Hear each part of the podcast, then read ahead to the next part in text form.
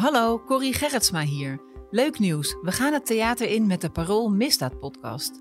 Met Paul Vugts en Wouter Laumans praat ik over hun werk als misdaadjournalist. Wat drijft ze en hoe zijn ze in het vak gerold? En op welke manier is de misdaad de afgelopen jaren verhard? Hoe gevaarlijk is het eigenlijk om misdaadjournalist te zijn? Vrijdag 15 maart is de aftrap in Theater de Meervaart in Amsterdam. Kaarten zijn nu te koop via parool.nl/slash live.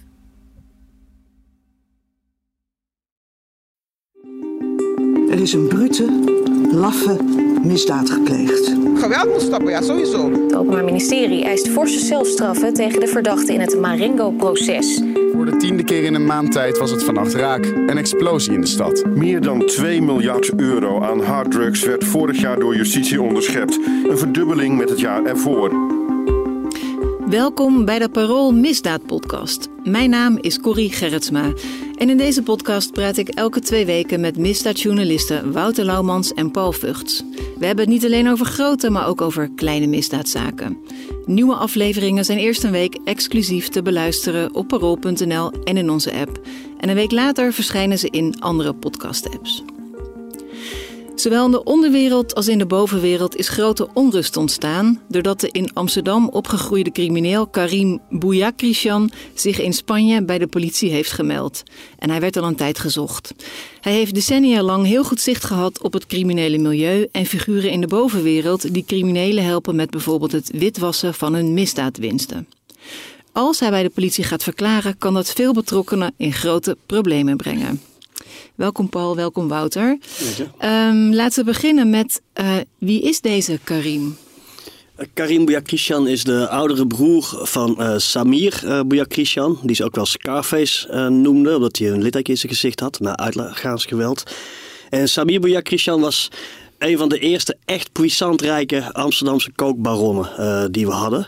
En hij is in 2014 geliquideerd dus in Spanje. Dat is geleden al eigenlijk. Dat is een hele tijd geleden. En dan was ze nog relatief jong. Uh, dat is een hele geruchtmakende liquidatie. Uh, omdat hij die avond met allemaal hele bekende uh, figuren uit de Amsterdamse onderwereld aan een tafel zat. Hij arriveerde voor een afspraak op het terrasje. Arriveerde hij gewoon op badslippers. Hij maakte zich duidelijk geen, geen zorgen. We hebben ook wel foto's van nou ja, hoe hij er uiteindelijk ook bij lag. Daar zie je dat, nou ja, dat is een strandgast uh, kwam er eigenlijk aan bij die tafel. Uh, maar uh, toen kwamen de en die hebben hem doodgeschoten. En de anderen aan de tafel wekte een beetje de indruk dat zij niet verbaasd waren dat het gebeurde. Dus dat is wel een groot verhaal geworden in het milieu. En hij, en hij zat dus in Spanje, woonde die. Ja. En daar dreef hij zijn business. Ja, kijk, in de regio Marbella waren zoveel tuig eigenlijk. Veel criminelen, drugshandelaren, hun... Ja, een belangrijk deel van het jaar op zijn minst uh, verblijven, zaken doen in de zon. Uh, Komt het is... echt dan door het weer? Of is Spanje gewoon een heel makkelijk land om dat te doen? Het is gewoon een verzamelplek. Je hebt een aantal van die verzamelplekken. Maar deze, deze Samir Scarface, of Scary, zoals hij in het milieu uh, genoemd heeft. Je moet wel, Paul zei natuurlijk net al dat het een van de puissant rijke cocaïnebaronnen was. Maar zijn status in het, in het criminele milieu en eigenlijk ook daarbuiten is, is, was wel bijna een soort van mythisch. Hij, was, hij is de jongste van drie broers, opgegroeid in Slotervaart. Uh, zat in Amsterdam op het, uh, op het Fons Vitae, bekende school in Amsterdam-Zuid. Was slim. Uh, en wat met name altijd geroemd wordt, is zijn, zijn zakelijke instinct. Hij is ooit begonnen van autodiefstallen naar inbreker. Is hij uiteindelijk in de cocaïnehandel uh, gerold. En daar heeft hij eigenlijk razendsnel een soort van imperium weten op te bouwen. In de, in de periode van grosso modo. En jongens, dit gaat allemaal, dat weet ik niet exact. Maar van de periode 2006 tot 2014 heeft hij, uh, heeft hij carrière gemaakt in, in die onderwereld. En ja, als je de verhalen mocht geloven, was, was hij gewoon uh, heel erg goed in wat hij deed. In het bouwen van een netwerk ook vooral. Ja. Het uh, liëren van belangrijke mensen aan ja. zich. En, en zo dus het opbouwen van succesvolle drugslijnen naar Zuid-Amerika. Ja, en hij, hij, heeft, hij, hij, heeft eigenlijk aan de bakermat gestaan wat, wat ze de Marokkaanse trampoline, wat we de Marokkaanse trampoline noemen. En dat is eigenlijk een soort verbastering van wat zich in Mexico heeft afgespeeld met de Mexican trampoline. cocaïne die eerst vanuit uh, Colombia direct naar Amerika ging, ging op een gegeven moment via Mexico sprong dat zeg maar uh, Amerika in. En hier was het, het idee was dat eh, Colombiaanse drugskartels hun cocaïne ergens medio in de, in, in de jaren nul van, de, van het vorige decennium of twee decennia geleden is dat inmiddels alweer. Ehm, via zeg maar Afrika en dan omhoog via Marokko Europa in lieten stuiteren over oude hashlijnen die daar al decennia lang liepen. Het is nu ook weer een eh, be- beroemde eh, methode. Die lijn is weer helemaal in zwang geraakt. West-Afrika. Er zijn natuurlijk wel wat failed states, zoals het in eh, goed Nederlands heet. daar, die goed ge- gebruikt kunnen worden daarvoor. Inderdaad, daar heeft hij heel snel fortuin mee gemaakt. Er is een, een hardnekkig verhaal waarvan we nooit zullen weten of het waar was. Maar dat hij ooit een heel winkelcentrum in Dubai kocht voor 200 miljoen cash. Dat hij dat cash zou hebben afgerekend. Dat, eh, of het waar- is-. Het maakt niet eens Maar uit of het waar is. wel dat je denkt 200 miljoen cash. Dan gaan we even bedenken hoeveel papier dat is. Nou ja, er zijn het, natuurlijk in de loop der jaren zijn er ook zeg maar, eh, gegevens uit Dubai gelekt over vastgoed daar. En daarin figureerde eh, de naam Samir uh, Bouyakrishan ook. Hij zat ook in Zuid-Spanje in het vastgoed. Er zijn twee bedrijven die ook telkens weer in allemaal verhalen en onderzoeken naar voren komen. Die zouden eh, geld hebben witgewassen. Of althans, dat is het idee van opsporingsdiensten. Maar met name wat, wat, wat hem echt... Ja, er is nog zo'n verhaal.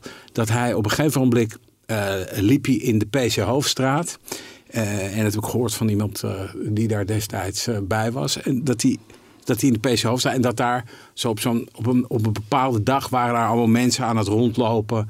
Zeg maar, dan gaat de onderwereld even winkelen. Hè. Dan, dan is de rest van Nederland is aan het werk. Dus dat is niet op zaterdagmiddag. Maar dan, dan is de onderwereld aan het winkelen. En dat hij als betrekkelijk jonge branimaker door de PC Hoofdstraat eh, liep. En dat hij een aantal andere, zeg maar wat gevestigde namen uit de onderwereld zag. En dat hij toen op zijn borst begon te slaan en zei... There's a new king in town, there's a new king in town. En dat iedereen daar ook wel een beetje om moest lachen. Omdat ze ook wel wisten dat hij, dat hij, dat hij gelijk had. Hij was op, dat, in, op, op, op zeker moment was hij echt wel... Nou, een van de, van, de, van de grootste drugshandelaren van, uh, van Europa. Betekent dat hij ook dat hij hier heel erg uh, bovenaan de most wanted lijsten stond? Als hij zo open en bloot hier rondliep? Of toen kwam hij nog, uh, was hij nog opkomend? Het, het, hij was wel in beeld, denk ik, maar het, het gaat altijd eerst... In het milieu weet men het altijd eerder ja. en beter uh, dan de recherche bijvoorbeeld. En dan pas de journalist ja. vaak. Maar, Wij weten het uh, meestal als laatste.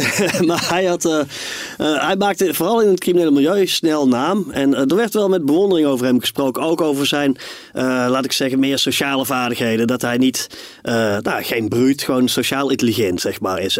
Wout zei al, hij zat ook op een fatsoenlijke school. Maar hij was ook, werd ook wel gezien als iemand die, uh, die ja, gewoon die in staat was uh, allianties te, uh, te smeden.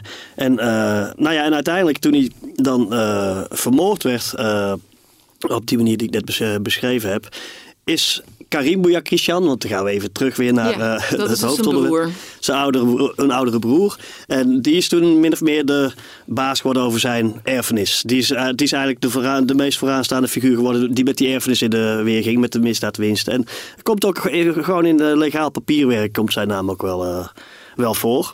En de laatste jaren, ze hebben heel lang in Dubai uh, gewoond, waar natuurlijk veel criminelen uiteindelijk uh, naartoe gaan. Uh, en de laatste jaren is hij zich steeds minder senang gaan voelen. En er waren eigenlijk twee dingen, daar komen we daar ook nog verder wel op terug. Hoor. Maar er was steeds meer dreiging vanuit het criminele milieu, enerzijds. En anderzijds hoopte de familie eigenlijk ooit een normale leven te gaan leiden. En hoopte dat het zweem van crimineel van Samir Bouyakrishan, uh, uh, dat, dat, dat ze dat ooit zouden kunnen afschudden. En dan met het geld dat uh, nog steeds was in de bovenwereld aan de slag zouden kunnen. Die twee dingen die werden, gingen steeds meer met elkaar schuren. En ja, wij zagen, we zien hem de hele tijd zijn er in grote processen. Bijvoorbeeld komt in een zijlijn ineens komen allerlei conflicten met andere groepen voor. Bijvoorbeeld met de groepering rond Ridwan Taghi. Ridwan Taghi en Rico de Chileen en Naufel F. Noffel. Dat is een andere, zoals we hier vaak hebben besproken, grote criminele groep in het milieu. En die groep had het aan de stok met de groepering rond Karim Bouyakrishan. Ja, en, en dat wat... zeggen wij niet alleen, maar dat waren ook tipgevers. En er kwamen in die PGP-berichten, onderlinge berichten, kwam dit steeds aan de orde. Weet je wat ik nou zo fascinerend daaraan vind? Um, en dat is dat die groepen, als je, als je verder teruggaat in de tijd... en dat, is, dat besef is eigenlijk bij mij, en ik denk bij Paul ook pas een beetje met de jaren gekomen... dat aanvankelijk deed iedereen gewoon zaken met elkaar. Aanvankelijk ging het wel goed tussen al die groepen. Er was een soort, ofwel een soort vreedzame coexistentie waarbij iedereen elkaar wel werk gunde. Of, en ergens zo medio 2014 is die, is die hele, dat, dat helemaal uit elkaar gespat. En waar ik nou nooit de vinger op heb kunnen leggen, is nou wat nou precies de oorzaak is geweest van, eh, van het uit elkaar spatten van die. Dat iedereen gewoon samen Ja, dat werkt. iedereen zijn eigen deeltje Ja, van de markt en- had of zo. En als je dat terugleest in, in processen verbaal bijvoorbeeld, dan, dan lees je zo'n soort met van. Ja, zo'n grosso modo opgemaakt proces verbaal. En er wordt in gezegd van. Ja, ze hebben, ze hebben ruzie gekregen om de hegemonie in de cocaïnewereld.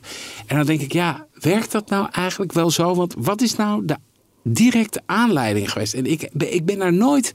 Heb jij dat ooit wel eens? Heb jij daar een Nee. gedachte over, Paul? Dat Nou weten ja, we nee, eigenlijk nee, misschien nee, dat weten we niet. En we weten. Kijk, ik moet wel altijd Kan denken dat, aan het. zijn er niet gewoon de types mensen die op een gegeven moment dan de sceptisch Misschien wel, draaien, die ja. dan Dat we hebben precies- dat ze... We hebben precies hetzelfde gehad in Amsterdam hier. Met, vroeg- er was een tijd lang een groep, was Gwennet Marta was daar een beetje de leidende figuur van. Maar allemaal bekende namen, later eh, veel bekendere eh, namen geworden. En die groep, uiteindelijk is er achterdocht geweest en Marta is een tijd binnen geweest. En degene die over het geld moest gaan, die zou misschien hebben gepikt. En die verhoudingen raken verstoord. Dan raakt er een partij cocaïne eh, verdwenen in de haven van Antwerpen. Die was in beslag genomen, maar dat, eh, eh, dat was niet zo heel bekend gemaakt. En was het idee, die, eh, er is gepikt. Dus toen escaleerde dat conflict. Precies hetzelfde. Dus één grote groep en ineens heb je twee kampen die gaan elkaar afschieten. Nou, zoiets is rond Samir Bouya Christian en consorten ook eh, gaan. En het gegeven dat hij aan een tafel, dus op badslippers, naar een tafel komt voor een bespreking. Met gasten uit Amsterdam allemaal. Ja, maar dat is en daar wordt vermoord. Dat, is- ik heb het hier wel vaker gezegd, maar dat is iets uit een film geweest. Dat, Ja. dat, dat, dat daar gewoon allemaal mensen die hij rekende tot vrienden en goede bekenden. En daar, daar, is, daar is een soort verhaal dat er een soort. ja, bijna wat je in The Godfather zag, hè, de kus des doods. Er is een verhaal dat een van die criminelen, die is, er, die is al een tijd lang vermist en men vermoedt dat hij inmiddels ook dood is. Dat hij op een zeker moment, op het moment dat de schutters aankomen bij dat café, dat hij zijn arm om Samir Bouya Christian heen slaat. Eigenlijk om. Mm, En de gedachte dan is dan, en ik weet niet of het waar is, dat moet ik wel met deze mitsen en maren zeggen. Om aan te geven, joh, dit is hem. Deze moet je hebben. Die Deze moet moet je je hebben. hebben. ja. En als je daarover na gaat denken, dat is wel, het is wel een bruut einde. Eh, tegelijkertijd heb ik ook berichten ge- gelezen, eh, die worden toegeschreven aan Sami Bouya Christian, waarin hij zich op een nou, lelijke eh, manier toch wel uitlaat over een liquidatiepoging eh, in Amsterdam op Gwennet Martha bijvoorbeeld. Dus je, als je gaandeweg, dus we zijn nu eh, bijna tien jaar later, en dan komt er heel veel informatie en dan begin je die verhoudingen, zoals, je- zoals ik dacht dat het zat in 2014, zo blijkt het nu echt niet gezeten te hebben. Dat is, en dat is zeg maar fascinerend aan ons vak, is dat je dus het is een soort gaandeweg leer je dus ook meer over de verhoudingen. En, en, en door die PGP-berichten, die dus ontsleuteld zijn later, krijg je ook inzicht in verraad, achterdocht. eh, eh, nou ja, en ook bijna de, de, enorme, eh, de enorme spanningen en paranoia die, die, die bij het verkeren in dat milieu horen. En dat, en dat vind ik altijd wel ergens boeiend. En om het daar nu weer te halen, dat is natuurlijk een van de redenen waarschijnlijk waarom Karim Bouya zich tot verbazing van velen heeft gemeld in Spanje bij de politie. Het verhaal was. In Dubai eh, voelde de familie zich niet meer eh senang. Nou, er waren allerlei berichten inmiddels onderschept. Bijvoorbeeld dat in Dubai eh, dat de groep rond Rico de Chileen en uh, Tachi en Noffel en zo, ehm, dat die groep hem daar had willen laten vermoorden door wat genoemd werd ninjas. Ninjas met messen. Uh, dan moet je even weten, net zoals in Marokko, in Dubai is best link om met vuurwapens in de weer te zijn. Want als je uh, een vuurwapen wordt al snel gezien als een, een poging om een aanslag te gaan plegen op misschien de staat. Uh, mm -hmm. Zoals in Marokko ook alles wordt gedacht, misschien is dat een aanslag op de koning. In de, dus messen.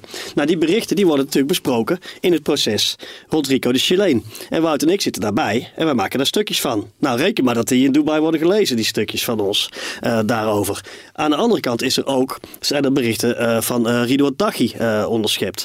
Aan de andere kant wordt ook Karim Bouya Christian meerdere keren door de Nederlandse politie gewaarschuwd dat hij op een dodenlijst staat. En dan is hij in januari 2018 wordt hij in Amstelveen opgepakt als hij een van zijn neppe, zijn gekloonde, nagemaakte paspoorten wil uh, uh, verlengen. Ja, daar en hebben we ook een hele uitzending over gemaakt. Dus voor de luisteraar die denkt van, hé, hey, waar gaat dit over? Even, in de even ja. terug in een aantal afleveringen en daar staat hij over de paspoortaffaire. Precies, en daar heeft hij toen tegen de politie gezegd in een verhoor, ze zoeken mij ook. Ik kijk de hele dag over mijn schouder. Ik ben bang. De dreiging wordt groter.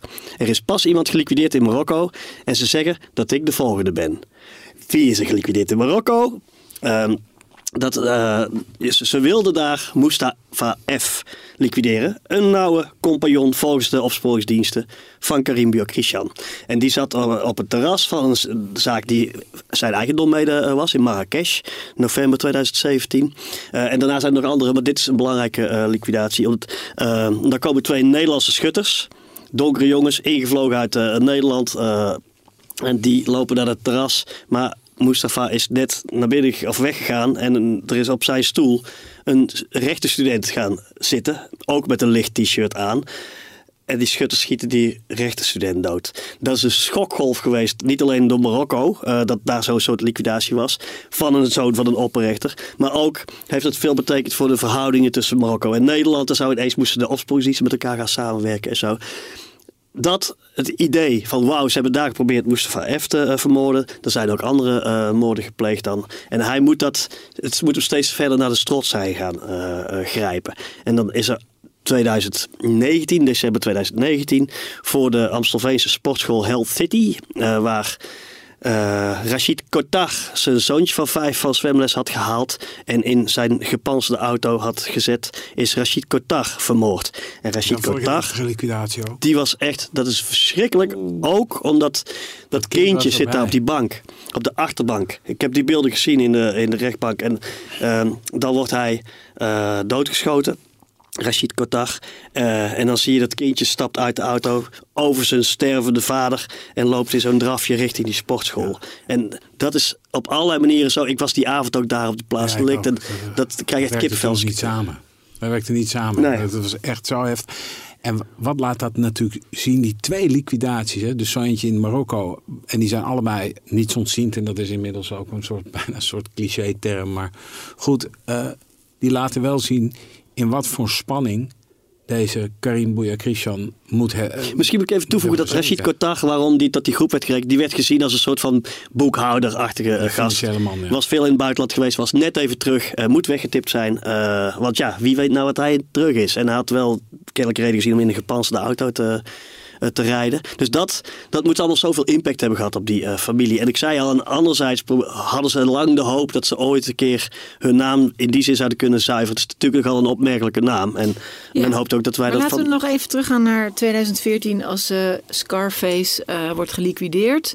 Die, zijn broer Karim, was hij dan al heel actief in die organisatie of is hij toen min of meer... En dan word je toch zomaar opeens de topdog. Dat is toch ook best wel een carrière dan? Dat is niet helemaal duidelijk wat precies zijn rol is geweest. Um, het enige wat we weten is dat. Uh, kijk, we weten een heleboel dingen niet. We weten een heleboel dingen wel, maar we weten eigenlijk altijd meer niet. Ja, vertel me even wat je wel weet. Nou ja, goed, hij is natuurlijk uh, ergens in uh, eind jaren negentig is Karim samen met een aantal jeugdvrienden en ook zijn broertje opgepakt voor het grappen van auto's. Uh, en dat waren van die kleine Fiat Cinquecento's, die, die kleine bolletjes en die werden omgekat.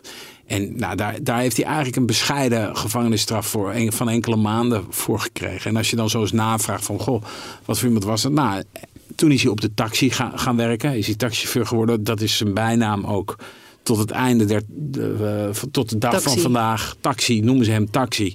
Ook als je, weet je wel, met mensen die hebben het over taxi. Um, en um, ja, en, en eigenlijk wat, er, wat, er, wat je zo'n beetje hoort van, van diverse bronnen is dat hij iemand was die daarna zijn portie wel gehad had. Na die gevangenisstraf voor, dat, voor, dat, voor die autodiefstallen. Dat hij dacht, ik ga een soort legale, een soort ander soort bestaan, een andere weg in, in uh, te slaan. En ja, daarbij is wel, moet je wel uh, opmerken dat hij ook de, de, de vastgoedbedrijven van zijn broer in Spanje uiteindelijk dat die op zijn naam zijn komen. Ja, dus hij deed misschien een beetje meer de bovenwereld. Ja, en in, in, in, in bericht aan het team criminele inlichting, de TCI, uh, eh, daarin wordt gezegd dat hij met name zich altijd bezig hield met witwassen. En dat een andere iemand uit de groep eh, dat die be- zich bezighield met cocaïnehandel. Hoe het precies zit, weten we niet. Maar het is wel zo dat na de moord op zijn broertje... ineens komt hij zo van, oké, hij hoort er ook bij. Dat denkt althans in elk geval de andere groep. En dus hij heeft niet alleen zeg maar, de, de, de handel en wandel mogelijk van zijn broertje geërfd... maar ook dienstconflicten. En we moeten dan misschien even benadrukken dat nu wordt hij in Spanje eh, vervolgd voor het eh, witwassen van 6 miljoen euro. Samen met een paar andere verdachten. Dus dat, dat verhaal dat hij een witwasser was voor de groepering is in elk geval ook de visie van de Spaanse openbare, de autoriteit, het openbaar ministerie daar. Maar hij zat dus niet vast voor eh, op verdenking van het witwassen. Want hij is zelf naar de politie gegaan nu. Ja, ja nee, hij wist wel dat hij gezocht werd. Ehm, en hij, zoals ik al zei, hij is een tijd terug uit Dubai gegaan. Omdat hij zich daar niet meer eh senang eh, voelt. Dat hoorden wij ook wel. Van eh, die taxi die is eh, naar Europa gekomen. Eh, Ja, we hoorden ook dat hij, dat hij zichzelf had aangegeven bij de politie. Dat hoorden we eigenlijk vrij snel Ja. al, die brom uit het milieu. Maar we konden niet echt een vinger eh, leggen van hoe dan en wat dan. Het werd eigenlijk ook nergens schij- Dus toen, pas toen hij werd aangehouden, hoorden we van oké, hij heeft zich op 9 januari bij de Spaanse politie gemeld. En die waren dus al naar hem op zoek eh, in, een onderzoek dat al sinds 2018 liep.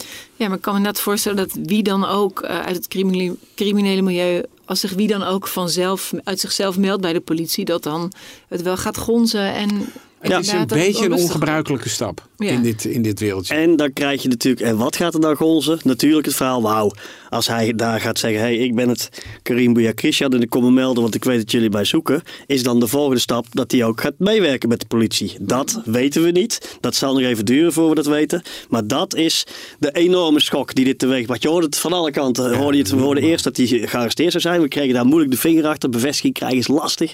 Ehm, en vervolgens hoorden we heel erg, wauw. En nu zijn er heel veel mensen eh, die op... eh, die zitten te staren eh, naar F5. Internet is al iets bekend.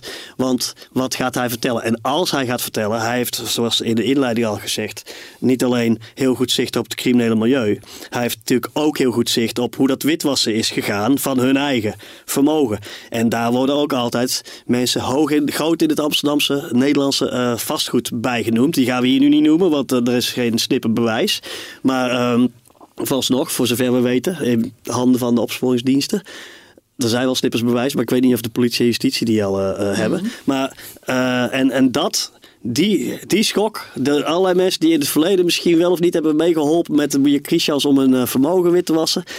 Die zitten nu ook een beetje met uh, samengeknepen billen te wachten op uh, uh, wat er gaat komen. Maar ik moet daarbij zeggen, we weten niet of die praat.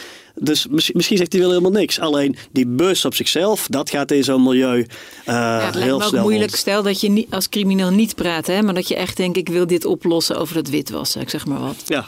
Dat is nogal moeilijk uh, om het vertrouwen te houden ook van uh, mensen. Nou, en het gerucht is op zich ook heel gevaarlijk. Want wat, wat gaat er misschien...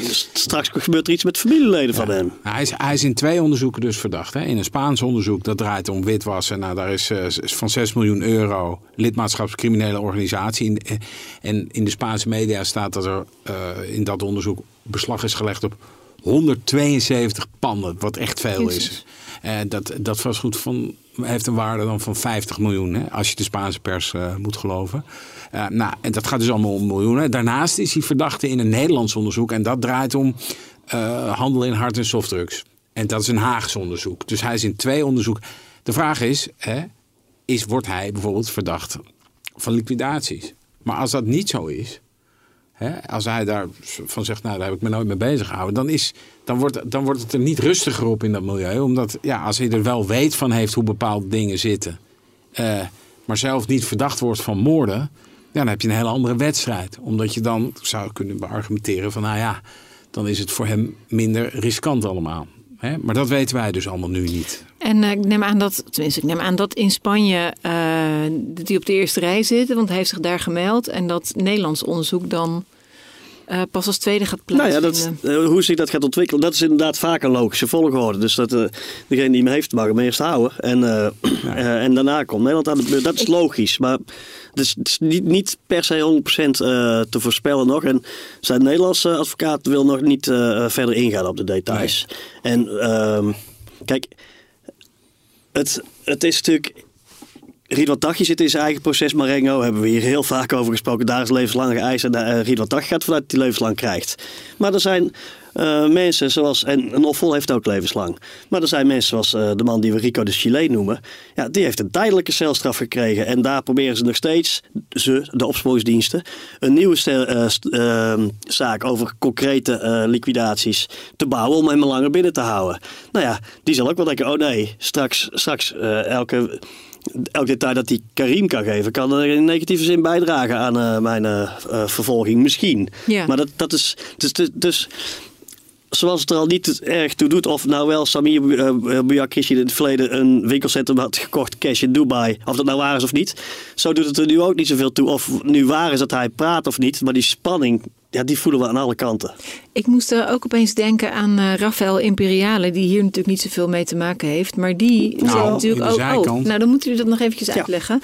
Want die eh, hebben natuurlijk ook over het laatst over gemeld dat hij in Italië vastzit. Ja. Weten we daar al wat meer over? Dat duurt allemaal heel lang. We- wat we horen is dat Italië, want hij, het idee is dat hij daar aan het praten is. En eh, wij horen steeds, Italië mag eerst.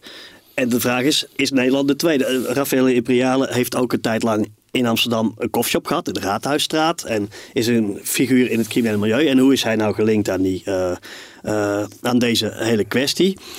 Is dat hij, die wordt ook tegen de groep Tachi aan ge- geplakt, zeg maar. En in het verleden lijkt eh Tachi zich tegenover Rafael Imperiale te beklagen in berichtenverkeer, dat ik hier nu even opzoek, over het feit dat er niks gebeurd is aan Karim Bouyak-Christian. Dat, dat die nog steeds leeft. En dan zou Tachi degene zijn die schreef... En sir, die Gaggy en Primo, dat is een crimineel Mohamed Niabi, de gezochte crimineel, en Taxi. Hoe zit het met hen? Ze hebben de Dubai-politie opgekocht. Sir, mijn politie, sir. Het idee is dat Tachi het idee had dat hij genoeg geld aan Dubai had betaald om daar de politie te hebben. En nou zit daar het concurrerende kamp ook. Eh, maar dat zegt Tachi volgens het Openbare, het Openbaar Ministerie tegen Karim Bouyak-Christian. Of tegen ehm, Rafael. Rafael Imperiale. Eh, dus die wordt wel vol aan dat. Aan Imperiale wordt in het kamp Tachi. Dus de tegenstander van Karim Bouyak-Christian. Ja. Dus nu heb je twee mensen die Precies, wel of niet aan het praten zijn over aardig. elkaar. Misschien en misschien wel niet. Ja. Een hoop onrust dus, Paul.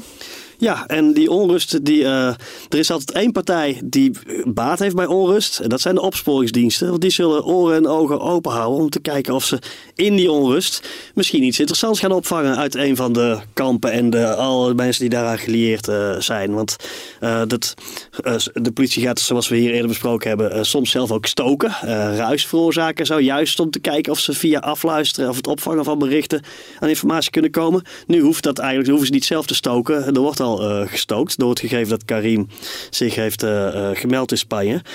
Dus we gaan, eh, we gaan meemaken eh, wat hier uit die ruis weer voortkomt. We gaan het volgen, Paul. Dan wil ik het met jullie even nog hebben over onze theateravond. Want op 15 maart staat de Parool Misdaad podcast in het theater, in Theater de Meervaart. Eh, Wouter, wat gaan we daar doen? Daar gaan we praten over eh, een decennium eh, van Paul en mij in de zwaar georganiseerde misdaad. We gaan het hebben over. We gaan niet live onze podcast opnemen, dat doen we niet. We gaan praten over wat we de afgelopen tien jaar hebben meegemaakt als misdaadjournalisten. En hoe dat ons werk heeft beïnvloed. Daar gaan we over vertellen. Nou, het lijkt mij hartstikke interessant. Eh, Je wie... doet ook mee, toch? Ik doe ook mee, ja. Ik moet Jij bent jullie zoals eh, in altijd. gereel houden. Jij bent onze gids. Zonder jou zijn we helemaal nergens en slaan we los. Dat weten we nou Precies, allemaal we wel. zetten even een linkje naar de eh, theaterkaarten in En wie de nog kaarten heeft, moet echt heel vlug zijn, want het verkoopt uit. Eh, Oh, daarna eh, gaan we op tournee. Tournee. Nou, Ik vind dat grote woorden. We beginnen met eh, onze tour in ieder geval in Amsterdam. Eerst de meervaart, dan de wereld. Dan de wereld. Vragen en opmerkingen mail ze naar misdaad.parool.nl. En willen jullie meer misdaadverhalen lezen van Paul en Wouter? Download dan de app van het Parool of ga naar onze site. Mijn naam is Corrie Gerritsma en deze podcast werd verder gemaakt door Wouter Laumans en Paul Vugts. Dank voor het luisteren.